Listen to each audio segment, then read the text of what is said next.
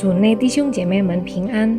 我们今天的主题是与上帝建立关系，是从读经运动，也就是我们的门徒灵修。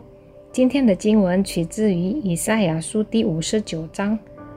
我们祷告：主耶稣，感谢你救赎了我们，成为你的儿女，因此我们也可以称你为我们在天上的父。这时候，我们要思想你的话语，求主。使我们明白，祷告是人与上帝之间的一种沟通方式。我们祷告，奉耶稣基督的名求，阿门。上帝不是偶像或护身符。一般而言，人必须向偶像或护身符献上贡品。尽管在旧约中有多种的献祭，这个献祭制度只是那位真正寄生的表征而已，即耶稣基督。在十字架上的舍身，自从他被钉在十字架后，已不再需要任何寄生。其实，上帝所要的不是祭品，而是建立关系。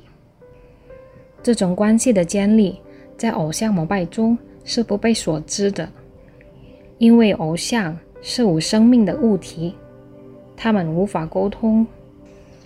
这个涉及关系的问题。会影响我们对祷告的理解。在膜拜偶像时，祈祷通常被称为念咒，是一系列被认为具有法力的咒语。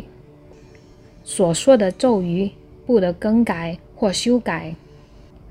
而在基督教的信仰里，祷告的句子是灵活的，没有标准性。祷告。是人与上帝之间的一种沟通方式。祷告表达了子民的内心。祷告也是基于上帝子民与上帝之间的关系。因为上帝是祭血的，所以祈求上帝的人，若在他以外还拜其他神明时，上帝绝不会垂听他的祷告。第五十七章第十三节，只是一种形式的祈祷。五十八章第四节也不会被上帝所接受的。此外，上帝不会听那些关于行恶或犯罪的人的祷告。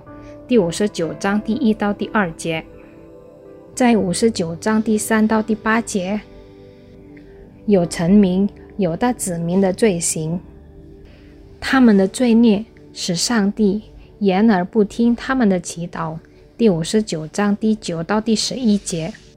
最后，他们恍然大悟，并承认自己的过犯。第十二、十三节。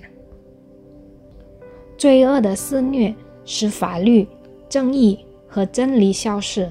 第十四、十五节。在这种情况下，上帝亲自介入。来伸张公义。第十六、十九节，成为他子民的救赎主。第二十节，并赐予他们圣灵和他的圣言。第二十一节，您的祷告成佛被上帝置之不理？发生这种情况时，您如何回应？